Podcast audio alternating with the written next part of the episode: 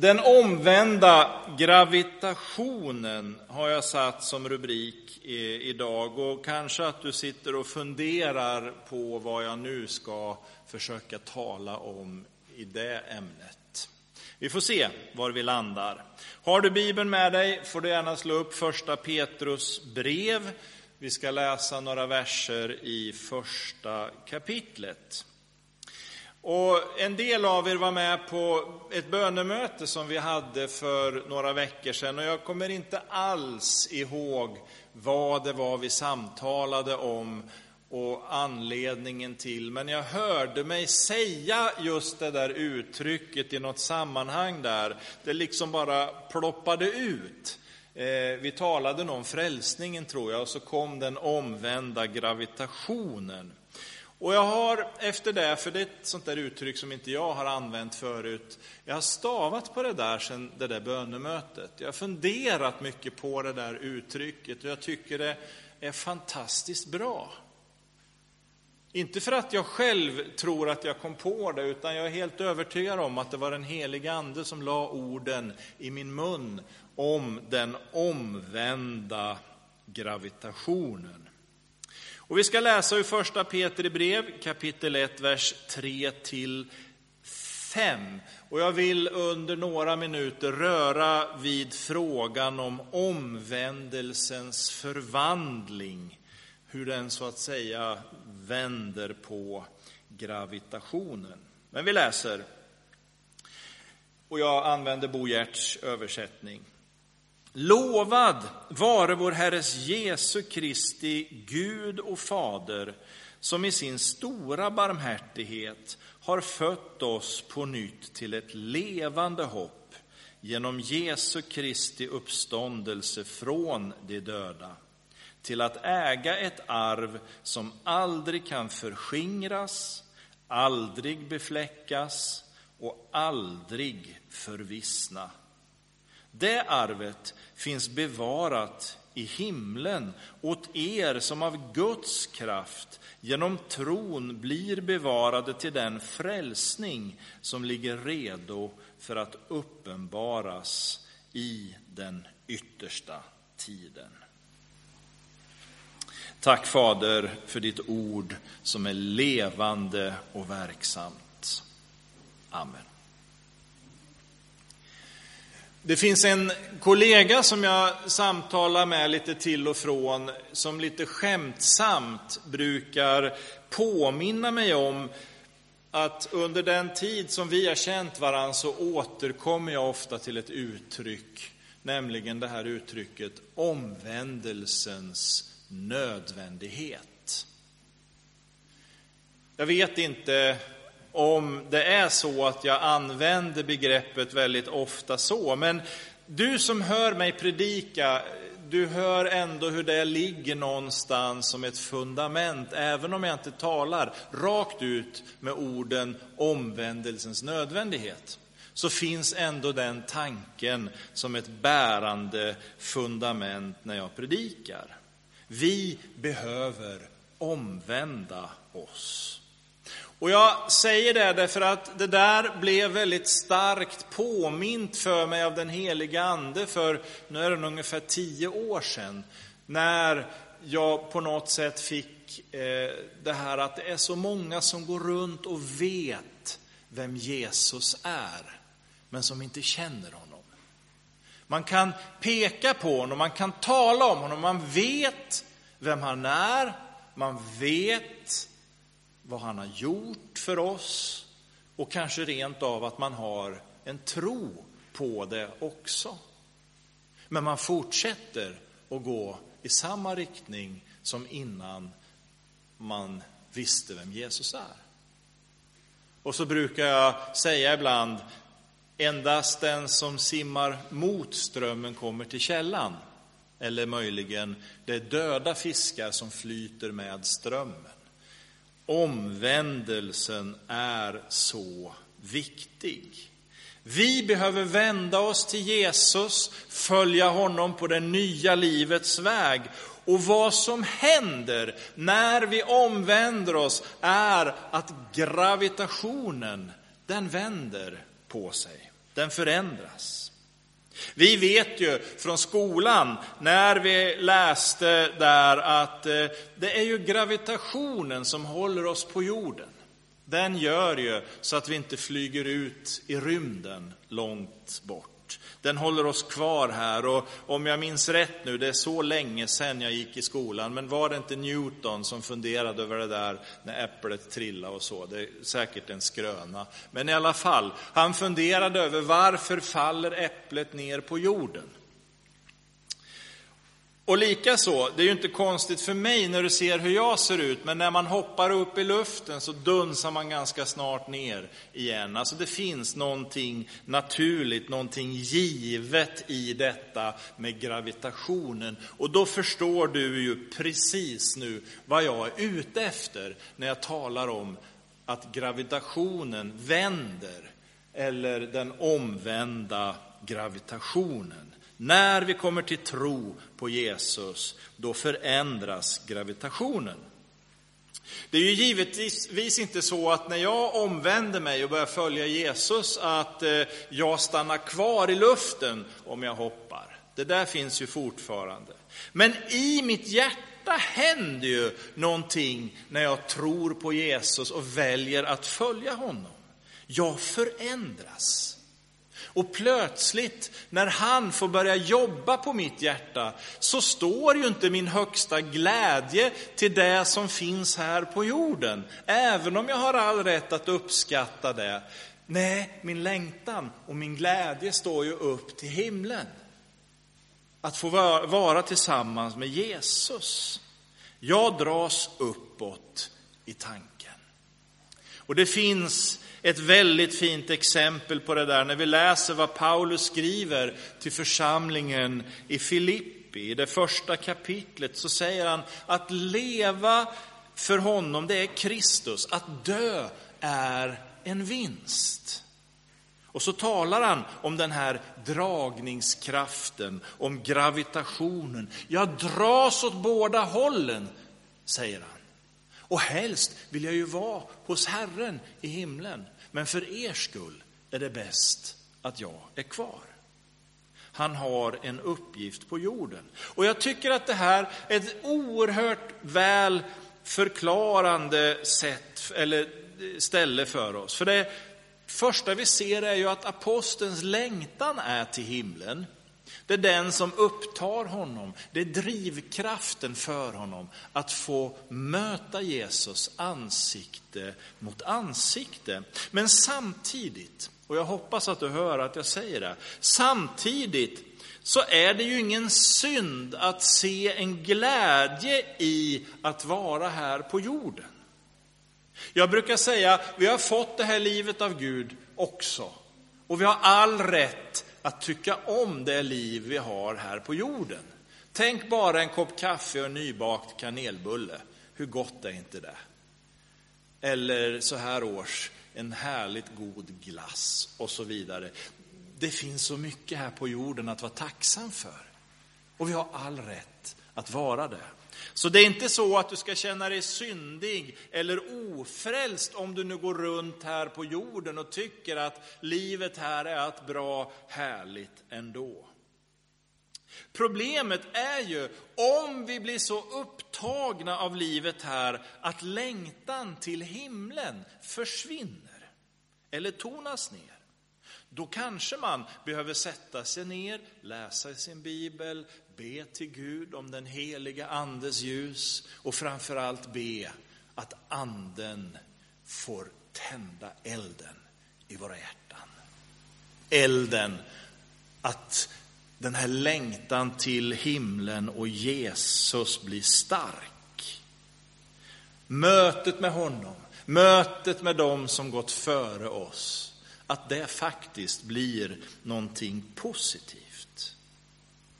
Jag vill än en gång betona det här, vi ska inte förakta livet på jorden. Jag hoppas att du förstår att jag säger att det är absolut inte fel att trivas här. Det är jätteviktigt. Men när jag ser det här budskapet ur det bibliska, då blir det ett problem om dragningskraften nedåt är starkare än dragningskraften uppåt. Det handlar om en längtan efter möta Jesus. Och då behöver jag ransaka mig. Augustinus, den gamle kyrkofadern, han talade om det här lite utifrån begreppet att bruka och att njuta. Och Om jag tar det här rätt ur tanken nu, så talade han ungefär som att det är som en resa. Och så menar han att resans mål är ju det som behöver uppta oss. Utan att vi för den skull ser att det är något fel med själva resan i sig.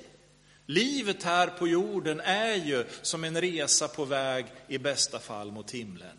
Och vi har all rätt att bruka tillvaron här. Men framför allt så är det blicken upp mot himlen, längtan till himlen som det djupast handlar om.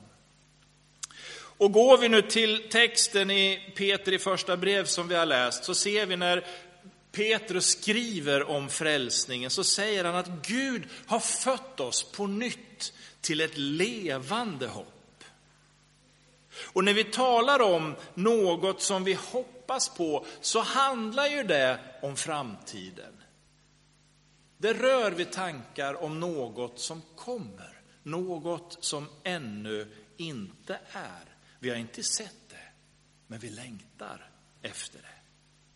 När vi kommer till tro på Jesus, när vi låter oss bli döpta, då säger Bibeln att då får vi i tro uppstå tillsammans med Jesus. Och så förstår jag att den uppståndelsen i dopets grav, eller ur dopets grav, talar om för oss att vi är inte utan framtid. Nu är döden bakom.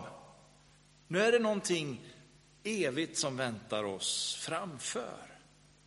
Och när vi verkligen omvänder oss, då blir det här hoppet på ett verkligt nytt sätt levande för oss. Den helige ande förvandlar vårt sätt att tänka. Jag ser inte på samma sätt som jag gjorde förut. Jag tänker inte på samma sätt som jag gjorde förut. Jag gör inte på samma sätt som jag gjorde förut. Därför är talet och tanken om himlen ingen teologisk idé eller teori på något sätt, utan himlen blir en verklighet, konkret. Och vår längtan dit bubblar och sjuder i vårt hjärta.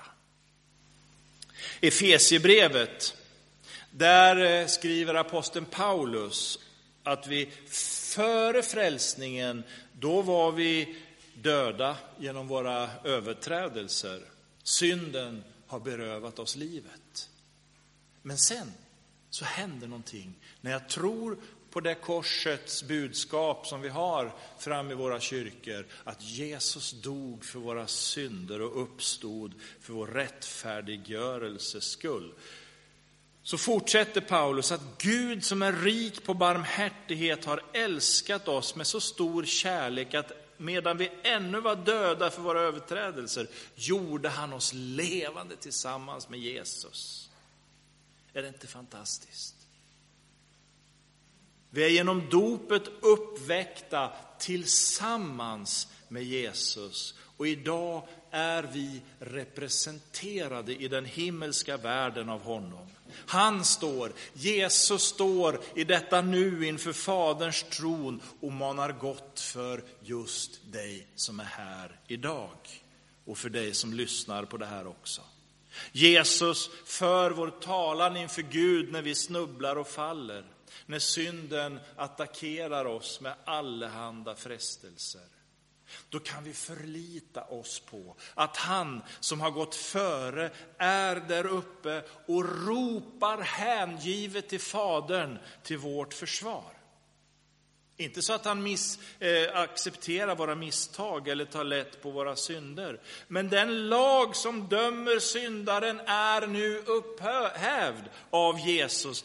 Därför står han inför Gud i himlen som ett vittne och talar till Gud. Ser du far, säger Jesus, ser du såren i mina händer? Ser du spikarnas märken som naglade fast mig vid korset? Fast jag var fullkomlig och felfri. Det var för din skull, för deras skull, för er skull som du sände mig. Du lät det ske därför att du älskar dem, Herre, och jag har löst dem ifrån skuldebrevet som du skrivit. Det, mina vänner, är mitt hopp. Det är mitt hopp. Det är det som jag får hålla fast vid. Och det är ingen teori eller fantasi som hjälplösa och svaga människor hittar på. Frälsningen i Jesus är den största verklighet vi kan tänka oss. Och den bevisar hur Guds kärlek flödar omkring oss. Därför gick Jesus före till fadershuset för att bereda vår ankomst. Där har jag ett arv som själafienden inte kan rå på. Han kan inte nå det, för det finns i himlen dit han inte har tillträde. Där är Jesus och han väntar på att få komma tillbaka hit till jorden för att hämta oss så att vi får vara tillsammans i evigheten. Så det första är att jag har ett levande hopp och det andra är att jag har ett arv som väntar på mig i himlen. Och det tredje och sista jag vill lyfta fram helt kort är en uppmuntran om att jag så länge jag finns här på jorden inte har något att frukta. För jag är inte utlämnad åt mig själv. Gud har inte gjort det så att han står vid himlaporten och väntar på att jag ska nå fram dit. När vi läser Bibeln påminner Gud oss gång på gång att han utlämnar inte oss människor på något vis. Läser vi om Israels barn som gick genom livet ser vi att de aldrig behövde vara ensamma. Guds trofasthet bevisades genom att han gick med dem. Vi är inte framme bara för att vi döpt oss efter omvändelsen. Det är en ofrånkomlig del att låta sig döpas av Guds frälsningsordning. För den som tror och blir döpt, säger Jesus, ska bli frälst. När Israels barn lämnade slaveriet i Egypten så var det ju först blodet på dörrposterna som gjorde att mordängen gick förbi. Och sen var det vandringen genom Döda havet, Röda havet förlåt, som gjorde att då var de fri faraos möjligheter att nå dem. Blodet, frälsningen, dopet som är nödvändig följd av det. Men man hade fortfarande en vandring genom öknen innan man nådde löfteslandet. Men där var Gud med. Eldstoden och molnstoden ledde folket längs vägen. Och till slut stod man där på Nebos höjder. Och jag kommer ihåg från söndagsskolan hur hängivet min fröken berättade just om hur barnen, Israels barn, stod på detta berg och såg in över landet som de väntade och som de hade vandrat så länge för att nå. Och det har följt mig genom livet när Israels barn står på Nebos höjder och ser in i löfteslandet. Och så kunde Gud i triumf leda folket in i den härlighet som han hade lovat. Den omvända gravitationen. Att längta till löfteslandet, att leva i hoppet om den kommande härligheten. Så visst är att han fött oss på nytt till ett levande hopp och att vårt arv är omöjligt att förstöra. Så är också den kommande förlossningen förborgad och beseglad med Jesu blod. Ingenting är mer sant än Jesu egna ord. Att den som ser sonen och tror på honom skall ha evigt liv. Och jag, säger Jesus, jag ska låta honom uppstå på den yttersta dagen. Att stå på Nebos höjd och skåda in i löfteslandet. Tänk Vad underbart. Låt oss be. Tack Fader att du föder oss på nytt till ett levande hopp när vi kommer till tro på dig Jesus. Tack att vi när vi omvänder oss och följer dig får se det arvet vänta oss där framme som du genom Jesus har berättat åt oss. Tack att detta inte är någon saga eller något påhitt, Herre. Det här är den största verklighet. Grip oss, helige Ande, med en längtan till evigheten. Men låt oss samtidigt, Herre, få likt Paulus ord till Filipperna fullgöra den tjänst och kallelse vi har kvar på jorden. Och att vi också där får ta vara på livet du har gett oss, Herre. Så underbart, så gott, Fader. Tack för din kärlek som du ständigt bevisar oss genom Jesus Kristus. Amen.